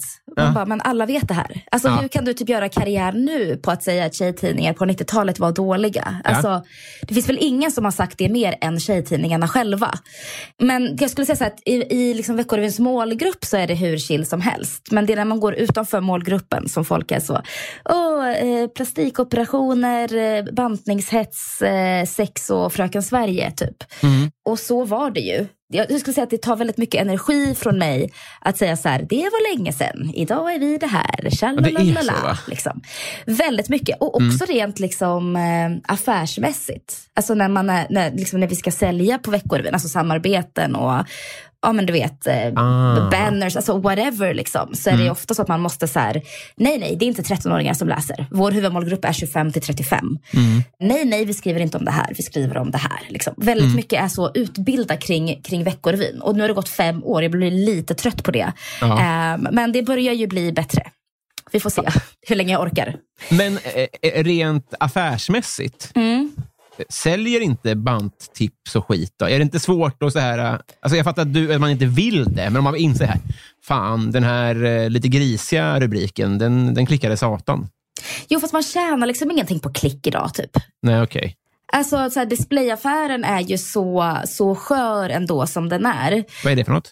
Alltså displayaffären är liksom allt de här banners och sånt som du ser. Alltså när du går in i en artikel så kan du se typ både i artiklar och runt om så kan du se liksom olika annonser. Eh, och där till exempel så visar vi aldrig annonser för, eh, för bantning eller skönhetsoperationer till exempel. Vi har liksom blockat Viktväktarna och allt sånt. Så, och skulle vi ha då en artikel som vi vill ska klicka jättemycket, ja då skulle det visas fler banners. Men det är så otroligt lite pengar Ja. i det. Så det är liksom inte värt att, eh, att eh, liksom sabba ett varumärke för. För att det liksom inte är klicken i sig som vi tjänar pengar på. Utan det är liksom samarbeten och, och natives och liksom att, att göra, eller att göra liksom sam, grävsamarbeten med Expressen eller Aftonbladet och sådana saker. Den här banneraffären är ju liksom ganska utdöende. Och sen så vet vi också att vill vi ha klick så är det Gud, nu blir det här jättetekniskt. Men då, då handlar det ju om liksom att sökoptimera sitt innehåll. Alltså att ligga etta till tre på Google på så många ämnen som Ah, möjligt. ja, ja. För då har man ju också en säker och stabil trafik. Så till exempel så har ju vi en artikel om, om eh, BMI. Men Mm. hela artikeln handlar om varför BMI inte är ett bra sätt att, eh, eller är är någonting man inte behöver förhålla sig till. Mm. Och då kommer folk ändå in på den som kollar på BMI. Men vi, vi liksom har ett ansvarsfullt innehåll där. Typ. Så Ja, vi jobbar mer så. För mig känns det så uppenbart att det är det folk frågar om. För att Mm. du vet, om man inte är målgrupp, då ser man ju så lite. Då, då, då är man ju aldrig inne på det kanske. Mm. Och så har man den där fördomen av att, så här, att det är likadant som det var 91. Typ. Ja. Och Men det är bara folk, tröttsamt. Liksom. Ja, eh, och folk är ju också så här, men jag smygläste min lilla systers, eller stora systers veckorevy när jag var 13. Mm. Ergo är folk 13. Alltså det är ju, man utgår liksom, folk har en väldigt personlig relation till Veckorevyn på något sätt. Liksom, alla har någon form av eh, liksom, relation till Veckorevyn. Men den är 20 år gammal. Eh, och det är otroligt, otroligt eh, tröttsamt. Och det hänger också ihop med tror att man har, helt, man har så svårt att föreställa sig att en tjejtidning skulle vara någonting annat än det Veckorevyn var. Liksom. Du byter namn då? Men vi orkar lansera ett nytt varumärke eller? Jag vet inte. Orkar svara på de här grejerna. Men Alltså, jag det- tror också så här, att det är också att det är Veckorevyn är ju också bra. Alltså Mm. för att det här överraskningsmomentet finns inbyggt i att så här, men gud gör Veckorevyn det här? Mm. Eh, gör tjejtidningar det här? Och jag menar det tjänar vi ju också på. Mm. Jag skulle ju inte fått så mycket liksom, eh, PR och uppskattning om jag hade jobbat med någon annan tidning. Nej, det är ju för att det är Veckorevyn. Att det ändå är en, en, en enorm moralisk makeover. Ja, exakt. Mm. Det är klart att det spelar jättestor roll. Eh, vi måste prata mer om dig nu, så jag kommer, nu, nu frågar vi vidare här. Ja. Eh, Martin Lundberg undrar onödigaste köp. Onödigaste köp. gud. Jag köper så mycket. Jag, jag shoppar ganska mycket. Jag, mitt onödigaste köp är nog såna här uh, Babyliss uh, värmespolar till håret. Mm. Funkar inte de? Man, man måste lägga upp dem väldigt noga och sen sätta fast dem väldigt noga och sen Mm. vänta på att de svalnar och så. Och jag har Sveriges sämsta tålamod. Så jag rullar alltid upp dem halvt och sen ramlar de ner och sen så blir det bara jättefult. Eh, och tar, alltså, den lådan är liksom en halv meter och jättestor. Liksom. Ja. Så det tar jättemycket plats. Det är kanske mitt onödigaste köp.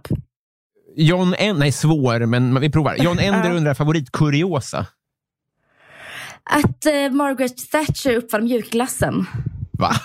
Ja, hon var kemist och uppfann att man kunde pumpa in luft i glass och det är det som är mjukglass. Du skämtar? Nej, Vilken otrolig kuriosa. ja, Så varsågod. snabb. Jag vill bara att lyssnarna vet här. Vi klippte inte bort fyra minuter googlande och tänkande här. Det är mycket svårare för mig att svara på frågor om mig själv än De favoritkuriosa. mjuklar. Satan vad inspirerande. Det är kul. Eh, David undrar vilket minne får dig att vilja vråla ut i skam? Oj, gud. Jag blir jättesvettig nu. Jag har förträngt, eh, förträngt allt det här. Vråla ut i skam. Senaste åren så har jag liksom inte tyckt att saker är så himla pinsamt. Okej, men ge mig, vad, vad är ditt vrål så kanske jag blir lite inspirerad. Har du något? Så kanske jag kan öppna den här stängda dörren i min hjärna. Mm, nej, men jag, jag var för full på en komikerjulfest en gång och Jonathan Unge tyckte jag var pinsam, minns jag. Så då var jag nykter i ett kvartal av ångest bara. Ja, det kan jag ändå förstå. Jag gjorde inget förstå. dumt, jag var bara oskön och liksom, tyckte jag var rolig. Typ. Eh, du, du ansträngde dig jättemycket. mm, verkligen. för att vara rolig. impa. Mm. Ja, det ska man aldrig göra. Nej, men vad mer? Jag, jag, hade liksom, jag visade myntinkastet på hemkunskapen en gång. Ja, men vrål, är det vrål? Nej, nej, men då var det det. Nu är det ju... Ja, då precis, var- det ja, har du rätt i. Jag vrålar inte nu. Då var det det. Nej men gud, det är också så förmätet att inte komma på någonting som man skäms för. Nej, det är vuxet är det. Ja, men jag borde ju kunna dra fram någonting, tänker jag, som något jättepinsamt som jag har gjort. Jo, men det är väl när man har varit för, för full. Jag har ju inte liksom ramlat och rivit ner någonting eller typ sagt någonting till någon. Det är också, tycker jag, lugnare än när man så här, ska, vill impa eller vill vara... Eller vet, den där typen av grejer som också kan komma med fylla. Ja, Fattar exakt. jag menar? Ja, att, det blir så, att man ställer sig in så mycket hos någon. Att det Ah, blir liksom att det blir helt pinsamt. Eh, nej, jag, alltså, jag ber om ursäkt. Jag kommer inte på någonting. Du må återkomma, men det är en bra fråga. Ja, ja jätte, alltså, en otrolig fråga. För det är exakt det man vill höra folk berätta om. för det är så pinsamt. Shots och Tjena Tjena undrar om du betraktar dig själv som vuxen. Ja, absolut. Mm. Hur länge har du gjort det? Jag har betraktat mig själv som vuxen sen, eh, sen jag flyttade hemifrån. Jag var 19. Är du lillgammal? Mm. På vilk- har- det, det känns inte så när man pratar med dig, men, men jag menar, Nej. Eh, alltså jag var ganska lillgammal när jag var liten. Alltså jag är lillgammal, jag är inte lillgammal på det där sättet i liksom mitt, eh, hur jag uttrycker mig och så. nej. Men jag är lillgammal så att jag liksom, du vet, köpte julpynt direkt när jag flyttade hemifrån för att ha julpynt. Och jag du vet, gick med i a-kassa direkt och äh, skaffade hemförsäkring. Alltså på det sättet så är jag liksom ganska alltså, ordentlig. Typ. Och att jag så alltid har velat typ, ha en stabil relation. Jag gifte mig när jag var 25. Och, ja, men du vet, på det sättet så är jag lillgammal. Och när jag var liten så umgicks jag väldigt mycket med vuxna. Alltså, jag har nästan bara äldre vänner. Mm. Och liksom, speciellt när jag var yngre så hade jag liksom nästan bara, och då, då känns ju två år väldigt mycket. Liksom. Ehm, eh, och har alltid haft så här äldre pojkvänner och så. Eh, så. Så jag har nog känt mig som att jag borde vara vuxen sen jag var typ tidiga tonår egentligen. Ja. Att, att det, det är när jag är vuxen som jag kommer liksom vara mig själv. Allt innan är bara eh, någonting jag måste gå igenom. Liksom. Det är så. Ja, 100%. Men vad är din mentala ålder? 43. ja. Jag, jag, Alltså, jag också, liksom- men jag är inte, har inte alls ordning på min hemförsäkring. Det är det som är problemet. Du har ju fått de bra sidorna av en 43-åring. Men på vilket sätt är du 43-åring då? Men den musik jag lyssnar på i ensamhet och Mm. Och, också så här umgås med vuxna och sånt där. Alltså jag kände igen, och hade, hade, hade du äldre syskon? Eller har, heter det? Nej, jag har en lillebror. Ah, Okej, då, den, den, då funkade inte det, nej. Nej, Men min, bästa kompis, min bästa kompis Irma var två år äldre och hon var liksom som en stora syster för mig. Mm. Och, och hon var liksom den enda som jag typ pratade med i telefon och typ den enda bästisen jag hade när jag var liten. Mm. Så, hon, på, så hon var ju typ en stora syster ja. som Ja, jag men- speglade mig väldigt mycket i. Sånt kanske spelar in också, ja. Att man liksom Mm. vill, eh, vill, vara, vill impa på äldre på något sätt. Liksom. Exakt. Mm. Det, har jag ju, det vill jag ju göra väldigt länge. Liksom. Mm. Eh, Victor Bysell undrar eh, favoritlåt just nu. Favoritlåt just nu? Det är eh, eh, Markus Krunegårds eh, tolkning av eh, Sett henne i Så mycket bättre. Silvana Imam. Vi kollade inte de första fyra, så jag har inte hört den. Men, men Den är otrolig. den kommer här. Vi spelar en, en 40, Mm. 41 sekunder.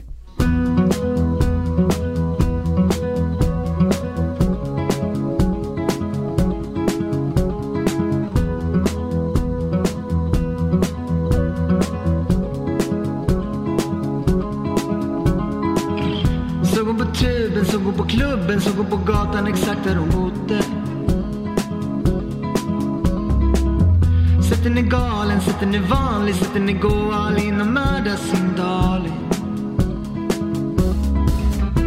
Sätter henne pank, tjänar sin hacka, sätter henne gråta och skratta.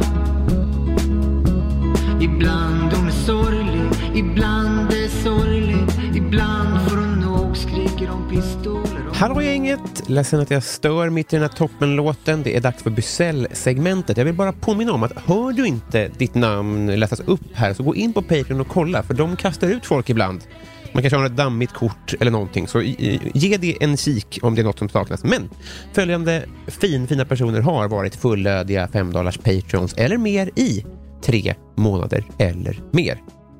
Andreas Sigelin, Martin Kielman, Rickard Malm, Andreas Eriksson, Niklas Nordqvist, Albin Strid, eh, Pauline Kullberg, Robin Eriksson, Fredrik Forslin, Rebecka Lindfors, Vincent Wretling, Samuel Lundstedt, Marcus Lunde, Kristoffer Esping, Maria Elvin, Robert Larsson, Emma Palmqvist, Anton Trulsson, David Sundin, Daniel Johansson, Peter Dahl, David Wallhult, Resus Minus, Marcus, Peter Dovern, Johanna, Per Hultman Boye, eh, Filip Pagels, Kristina Takman, Max Jakobsson, Mattias Sandberg, Robin Lindgren, Klara Blom, Love Öjen, Matti P. Carlo, Stadens Kafferosteri, Jonas Danielsson, Ann-Sofie Karlsson, Toby Kanobi, Simon, Adam Stålberg, Maria Karlsson, David Malmström, Anna-Maria Öhman, eh, Joakim Holmberg, Jonathan Lilja, Kebabsaft, Elinor Berglund, Roger, Simon Karlsved, Filip Axelsson, Jonas Udén, eh, John Ender, Marie Ernelli, Erik Fröberg, Kristoffer Åström, Alexander Svensson, Neim, Jimmy Söderqvist, Plynnis, Martin Lundberg, Mange B, Nils Andenmo, Gäddan eller Gräddan Gustafsson, Julia T, Viktor Bysell, Lars Landström, Malin Jansson, Mikael Wester, eh, Joel W. Kall, eh, vi, eh, Fredrik Ung, Johan Dykhoff, Petter Axling, eh, Daniel Melin, Mitt Fel och podcasten Värvet. Återigen älskar er. Hej då!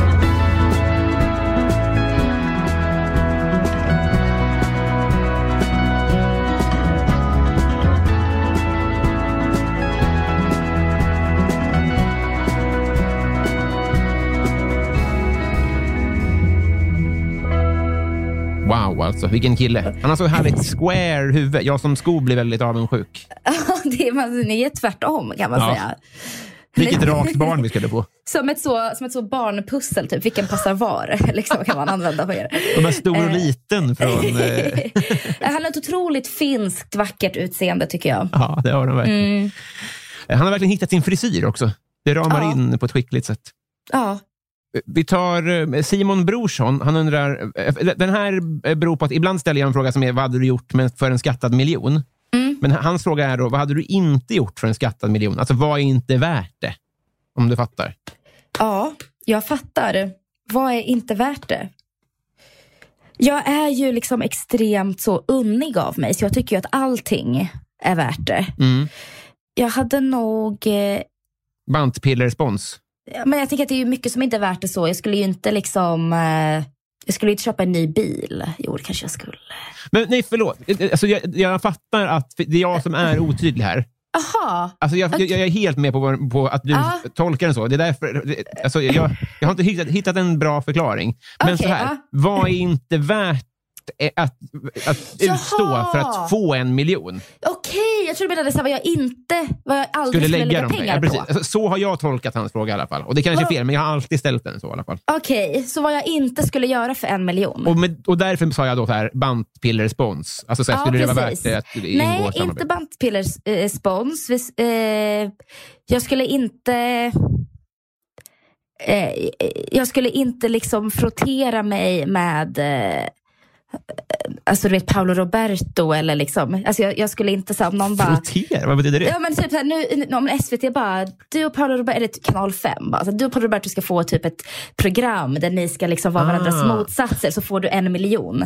Alltså jag, jag skulle liksom inte nagga på min liksom moral. eh, Just det, att ni blir Morgan och Ola. Conny. Och där ingår ju också liksom bantningspillret och hela Mm, det här. Utan, utan jag, jag skulle försöka vara den här eh, icke-politikern då, som liksom inte, eh, inte är där och pillar i, i värderingar. Utan, Ja, just det. Ja, exakt. Mm, så då. Men skulle du hugga av ett eh, lillfinger? Eh, om det inte gjorde ont. Ja, det kommer att göra exakt så ont som det gör. Men det kommer gå fort. Nej, nej, nej, det skulle jag inte. Nej. Jag är så rädd för att ha ont. Ja. Det är kul att hitta skärningspunkten där det är precis värt det. Ja, precis värt det. Alltså kanske... Skulle du göra för Kanske. 10 miljoner? Ja, Mm. Ja, men precis, då, börjar vi, då har vi ändå en summa. jag skulle nog också kunna tänka mig att typ bränna mig, alltså hälla kokande vatten på mitt ben eller något sånt. Ett tv-program där. Alltså det är för att jag så gärna vill köpa en lägenhet till mina föräldrar i Stockholm. Ja. Det är bara, det är, och jag tänker så här, vad skulle jag kunna göra för att de skulle kunna flytta till Stockholm? Mm, Alltså det är så jag liksom, det blir väldigt konkret då att man skulle offra väldigt mycket. Men inte ett lillfinger, PGA-smärtan. Om jag skulle vara bedövad, 100%. Kokande vatten på ett ben. På ett smalben. Ja, just det. Knät och neråt. Ja. Ja. Jag vet inte om det gör mindre ont än att skära av sig det-. Nej, nej, jag vet. Men det, är också, det blir såna ärr och det, så, det, det känns som att man inte kan jag, bada kommer vara, efter. jag kommer göra det på ett sjukhus. Jag kan få en hudtransplantation direkt. Ah, ja, ja. Du jag ringer den med... Just det. Ja. De kommer ju ta hela miljonen, det vet du ju. ja, jag ska fixa en riktigt bra vuxenförsäkring innan dess. Just eh, per Hultman Boye, han undrar om vad är något du önskar att alla visste om? Visst, om mig eller allmänt? Allmänt, eller dig. Jag önskar att alla visste att kill them with kindness är det mottot som funkar bäst i hela världen. Men du sa det här innan vi spelade in. Ja, Ska du berätta din affärshemlighet för hela folket här? Alltså? jag ska berätta min affärshemlighet och det är att eh, liksom aldrig eh, mucka i onödan. Nej. Att, att stå, liksom, stå för det man har sagt och att alltid vara den större människan. Alltså att rise above Mm. i alla situationer. Alltså markera gärna och säg till om något är fel och bla bla bla. Mm. Men man behöver liksom inte ha en, en dålig ton bara för att. Och man kan ge alla människor benefit of a doubt liksom, i, alla, i alla lägen. Mm. Eh, och bara vara liksom den större, tryggare, klokare personen i alla rum lönar sig så jävla mycket. Men även om någon har varit eh, osoft mot dig? Det, det känner jag, att man känner så här, att, att dig orkar inte vara den större människan jämt emot kanske, men du, är du det ändå? Det beror på vad de har gjort. Alltså, så här, de, de fiender jag har, Mm. om man, liksom, inom citattecken, det är ju människor som har liksom behandlat eh, mina vänner illa. Mm. Och de liksom är, ju, är det ju liksom en mur med. Ehm, men jag tänker att man inte behöver liksom sjunka till nivån hos den som har gjort en, en illa. Men man kan ju säga ifrån. Alltså, jag tänker att det är två olika saker. Man kan säga så här, för fan vad fult gjort det där var. Eh, använd inte den tonen mot mig tack. Så gör man inte. Mm. Så, och så är man, är man klar med det. Liksom. Men du, det låter som att du applicerar det här business och privat-wise. Ja, absolut. Ja, Alltså, det är livsmotto liksom. Ja, för jag tänker att man alltid man liksom verkligen kan försöka att inte fultolka människor. Det känns som att många gör det väldigt mycket. Eh, och att det finns liksom en önskan om, om drama eller att önskan att här, visa att man är vad man är värd. Om någon har liksom behandlat en illa eller om någon har liksom haft en ful ton mot en. Eller, det kan vara vem som helst, alltså en servitris eller en, ens man eller vad det nu kan vara. Men att det liksom alltid finns något att tjäna på att vara den snälla. Att folk tänker på en som den snälla. För folk kommer alltid krypandes tillbaka. För man kommer alltid tillbaka till den snälla personen. Vad som än händer. Ja, det är ju eh, bra eh, ju. Nej, men det är verkligen så. Jag Alltså, menar bara, du måste väl röra dig ganska mycket bland vassa armbågar och sånt? ja. Mm, Alltså, det, var det, därför, bli... det var därför jag slutade på Expressen efter eh, mindre än ett år. Ja, det var så pass. Ja, Mm. och jag, det sa jag till min chef då också. Jag bara, jag vill inte vara på en arbetsplats där det är den här typen av beteenden som premieras. Liksom. Det, är inte min, det är inte min grej och jag vill inte bli sån. Liksom. Hur då premieras? Menar att man måste liksom, eh, nu, nu skulle jag säga att det är, nu är jag ju liksom frilansare på Expressen så jag har liksom inte koll exakt på hur liksom arbetsmiljön där är men jag vet att de har jobbat ganska mycket på det här. Också efter Me- metoo liksom med så här, ja, men en arbetsmiljö som ska vara, vara snäll och, och positiv och så. Men där det är så här, där det är normalt att, att chefer liksom eh, skriker, där det, är, eh, där det är normalt att man blir liksom eh, utskälld första dagen på jobbet, där det är normalt att liksom aldrig säga tack och sådär. Eh, och det tycker jag är bara så här otroligt eh, omodernt och oinspirerande och gör att alla människor gör ett sämre jobb än de hade kunnat göra. Jag tror inte det finns någonting att vinna på det överhuvudtaget. Man är lite sugen på att ha det som chef. ja, men jag tror faktiskt att jag är en ganska, ganska bra chef för att jag själv har haft väldigt dåliga chefer. Och jag har också märkt, alltså på Veckorevyn så Alltså alla som jobbat på Veckorevyn har en väldig kärlek för Veckorevyn och väldigt lojalitet för Veckorevyn. Och det har inte byggts genom, eh, genom hierarkier och, eh, och lågt i tak och att en person bestämmer allt. Utan snarare tvärtom, liksom, att man jobbar som ett team fast på riktigt. Alltså det låter jätteklyschigt. Men, men att liksom få människor att försöka prestera sitt bästa varje dag utan att stressa ihjäl sig är väl det som bygger liksom hållbara, smarta, snabba, duktiga, snälla arbetsplatser. Och jag tror att det är så det kommer behöva fungera framåt för att folk ska orka. Liksom. Det går ju inte att ha det som vi har det nu. Plynnis undrar vad du känner för Felicia Jackson. Felicia Jackson, Mm. jag vet inte ens vem det är. Nej, det är inte superkonstigt. Hon är, en, hon är komiker och, och eh, tidigare radiopratare. Och, eh, Jag tror kanske jag följer henne på Twitter. ja, men det är inte omöjligt. Men jag har faktiskt ingen koll på henne annars, tyvärr. Men jag kan gå i god för att hon är ljuvlig i alla fall. Ja, men då säger jag att hon är ljuvlig. Daniel Lindberg undrar vilken är Sveriges tråkigaste stad? Sveriges tråkigaste stad. Vet du att det är Katrineholm? Mhm. Min bästa kompis som jag pratade om innan, Irma, hon Mm. flyttade från Växjö till Katrineholm när hon var typ 11 och jag var 9. Så jag var rätt mycket i Katrineholm. Mm. Och min första pojkvän bodde i Katrineholm och vi hade distansförhållande. Och jag kommer ihåg att Katrineholm inte ens hade H&M eh, när min bästa kompis flyttade dit. Och att jag var så här, oh my god. Och då var jag ändå från Växjö. De har en tågstation, det är väl det. Det, är- Mm. ja, nej, men det låter ju som rätt svar det här helt enkelt. Ja. Podcasten Värvet eh, Mm. vill eh, att du berättar om din eh, bästa fotomin. Fotomin. Mm. Ja, det kanske inte är en min i och för sig. Men jag brukar bara fota så att liksom mitt ena öga syns. Jag med! Alltså lite så från sidan. Ja. Eh, för då syns man liksom lite, men inte för mycket. För syns man för mycket så blir man ful. Så lite så, och sen kanske ha lite öppen mun Ja. och lite från sidan. Mm. Men har du så att, att bilden beskärs vid näsan eller lutar du från så att du är i profil? Man ser ja, lite mer så profilaktigt. Så kanske jag sätter min lugg över andra ögat. Mm. Ah. Eller typ håller en hand för mitt andra öga så här. Just det. Ja. Nu gör du en sån, vad ska man beskriva den? Lite sån eh, Al Alcazar-moving hand för ögat. Exakt! Jag tänker att det är en, en liten eh, Eurovision-dans. Det är precis Så. vad det är. Ja, precis. Mm. Nu, nu fattar alla. Och Sen så tar vi då Erik på Bistro Bromma som undrar hur är din relation till djupt vatten? Jag är inte alls rädd för djupt vatten faktiskt. Nej. Eh, har ju som sagt varit väldigt mycket på havet när jag varit liten. Eh, Och eh, Har Snorkel aldrig eller varit- breddgrader? ja, jag vet inte, snorklar man i Kroatien? Det kanske man gör. Nej, det är bara jag kanske. Ja. You tell me. Varför betalar jag mig? Jag har, jag, har, eh, jag har typ aldrig... Alltså jag var på Aruba och snorklade inte för att jag, höll på, jag tyckte det var jobbigt att ha masken på mig. Men, eh, men jag har åkt liksom mycket båt och jag har åkt liksom eh, vattenskidor och alltid så här... Jag har aldrig varit rädd för att inte se botten till exempel. Och jag har Nej. inte varit rädd för fiskar. Sen tycker jag att det är läskigt med eh, kallt djupt vatten. Mm. Alltså när jag ser på film att det stormar. Ja, just det. Alltså när det är mer att jag är rädd för kallt vatten än för djupt vatten Mm. tror jag. Just det, men, ja, men det, det, det är en väldig skillnad. Ja. Att Ja, men det är liksom lite mer grått och kallt. Ja, alltså att jag skulle dö om jag ramlade i för att det är så kallt. Alltså jag är så rädd för att frysa. Ja, D- Det är jag rädd för. Jag är inte så rädd för att ramla i, liksom, i, i vattnet i Kroatien. just det. Mm. Eh, Rebecka Lindfors undrar, vilket tema ska en frågesport ha för att du ska ha störst chans att vinna? Det ska ha... Mhm. Vad kan jag?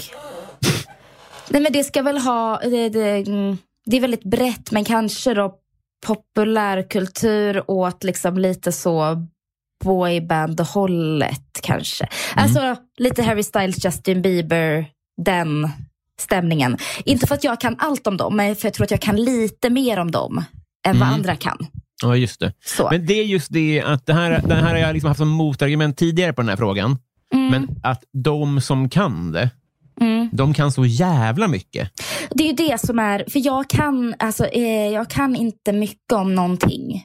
Alltså jag är otroligt oallmänbildad. Nej, men sluta. Jo, jo, jo, men jag är det. Alltså jag, kan, alltså jag vet inte vilket nummer vår kung har. Jo, 16 va? Eller? Jo, men du har kvalat in i På spåret. Du kommer inte undan.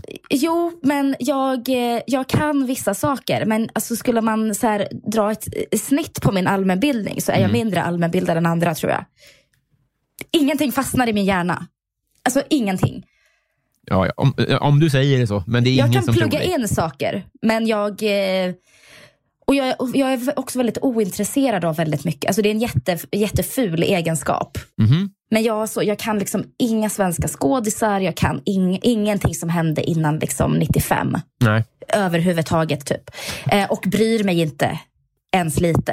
Eh, jo, jag kan Fruktansvärt lite, nyfiken men- hur det gick i På spåret här. det blir väldigt spännande att följa. men, men liksom, jag kan, eh, jag kan gissa mig till lite saker. Men jag, du vet, jag, jag vet fortfarande inte vad styrbord barbord är. För jag bryr mig inte. Alltså jag kommer Nej. aldrig liksom lägga det på minnet. Nej, men de behöver inte ha ett eget språk, båtfolket. Så du har rätt i det. det är inte Nej, jag riktig kunskap. tycker, jag tycker inte heller det. Du vet, jag kan inte ens stjärntecknarna. Fast jag jobbar på Veckorevyn och vi har en horoskoppodd. Och, Ja, men jag tänkte säga det. Det är väl ditt förbannade jobb. ja, men jag kan inte, för jag bryr mig inte. Nej, okej då. Eh, eh, vi tar eh, en, en sista fråga här. Vi ska se vem vi ska ta. Jo, men, men Mikael Wester då, som vill att du berättar om en tonårsförälskelse. Åh, en, gud vilken mysig fråga. Mm. Tonårsförälskelse. Nej, men jag kan väl berätta om min... Nej, men jag kanske ska berätta om han från Katrineholm då. Varför, varför inte? det, var, det var en kille som gick i samma klass som min... Gud jag pratar mycket om Irma. Min bästa kompis Irma. Men hon, hon gick i samma klass som en kille. Mm. Och vi började eh, chatta på MSN. Som man gjorde. Och, eh, ja, och blev liksom bästis-bästisar på MSN. Och sen bestämde vi för att vi skulle ses. Och sen så sågs vi och så blev vi jätte, jätte, jätte, jättekära. Och du vet, pratade i telefon dygnet runt. Vi ringde varandra så kollade vi på Ellie McBeal tillsammans i telefon. Och Var på sådär. Baby Chacha. Och det var verkligen så, vi var inte ihop länge. Det var verkligen en sån liksom, eh, som ett tomtebloss. Liksom. Men det som satte liksom, standarden för liksom, alla andra relationer. Ja. Han är liksom fortfarande en av de snällaste människorna som jag, som jag har känt. Ja. Liksom. Det var ju så sorgligt då att det var långdistans. Mm. Men det var också så mysigt att ha en anledning att prata liksom, dygnet runt varje dag. Typ. Och jag var väl typ 14-15 och han var 16. Ja. Det var underbart. Hur lång var distansen? Ja, men han bodde vadå, i Katrineholm och jag bodde i Växjö. Så det var, kan det vara tre timmar med tåg. Typ, Ja, det är långt en halv. Det är ganska långt och man har inte så mycket pengar att liksom åka fram och tillbaka. De åkte till och med till Kroatien och tog in på ett hotell i grannbyn för att vi skulle kunna ses på dagarna. ja, så det var väldigt liksom, intensivt. Ja. Väldigt fint. Mm. Men gud vilken liten eh, cirkelslutning. Vi fick med eh, ungdomskärlek i Kroatien och allting. Här. Ja, Eh, alles. Det här, är- det här är ett speciellt avsnitt för mig, om inte annat. Alltså, ja, eh, för att jag, kommer, jag kan inte st- sträcka över det, men jag kan i alla fall hålla upp ett vänskapsband här. Som jag, kommer, jag, jag tänker att jag postar det till dig, Gud vad fint. så hoppas vi att det kommer fram eh, ja, någon gång förhoppningsvis. Kanske efter julruschen. Du kanske ska vänta med att posta det. Ja, det här, är- det där är, du får gärna lära mig. Vad, vad tror du att Postnord vill att jag väntar? Tror du att det kommer fram före om jag väntar? Nej, men jag tror att det inte tappas bort om du väntar. Ah, ja, ja. Tänker Jag skicka två då kanske? Nej, jag vet inte. Ja, Jag provar olika taktiker för att nå, nå dig så fort som möjligt. ja, det låter underbart. Helskotta vad trevligt det här var. Det var så mysigt. Jag är Tiden så glad fram. att prata med en, med en vuxen människa som, som ställer frågor och har ett samtal. Men jag Det betraktar inte mig själv som vuxen. Det är bara du som gör.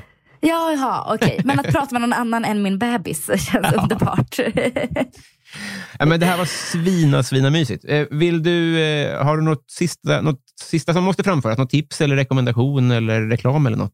Nej, men jag, kan, jag kan göra reklam för, eh, för jag ska ju ändå vara lite business här, jag är Sveriges sämsta entreprenör. Men jag skulle säga att göra reklam för Veckorevins horoskoppodd som är jätteroligt. Där vi intervjuar personer baserat på fördomar om deras horoskop. Mm.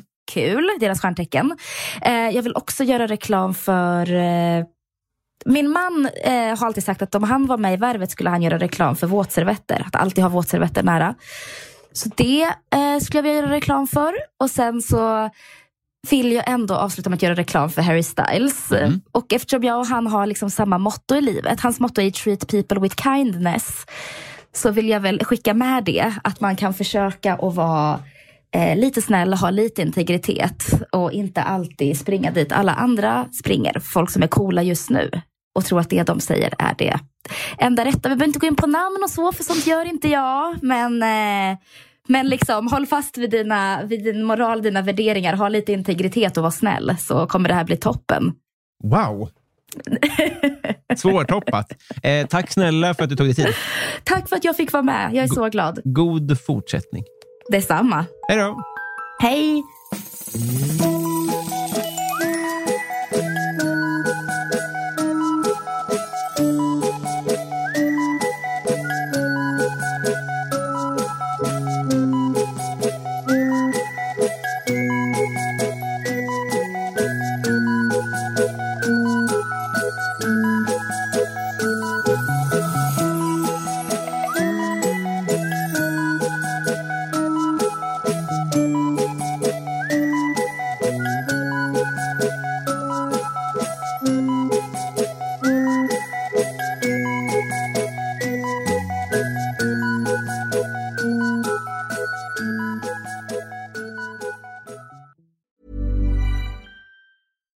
When we're on a budget, we still deserve nice things. Quince is a place to scoop up stunning high-end goods for 50 to 80% less than similar brands. They have buttery soft cashmere sweaters starting at $50, luxurious Italian leather bags, and so much more. Plus, Quince only works with factories that use safe, ethical, and responsible manufacturing. Get the high-end goods you'll love without the high price tag with Quince. Go to quince.com slash style for free shipping and 365-day returns. Planning for your next trip?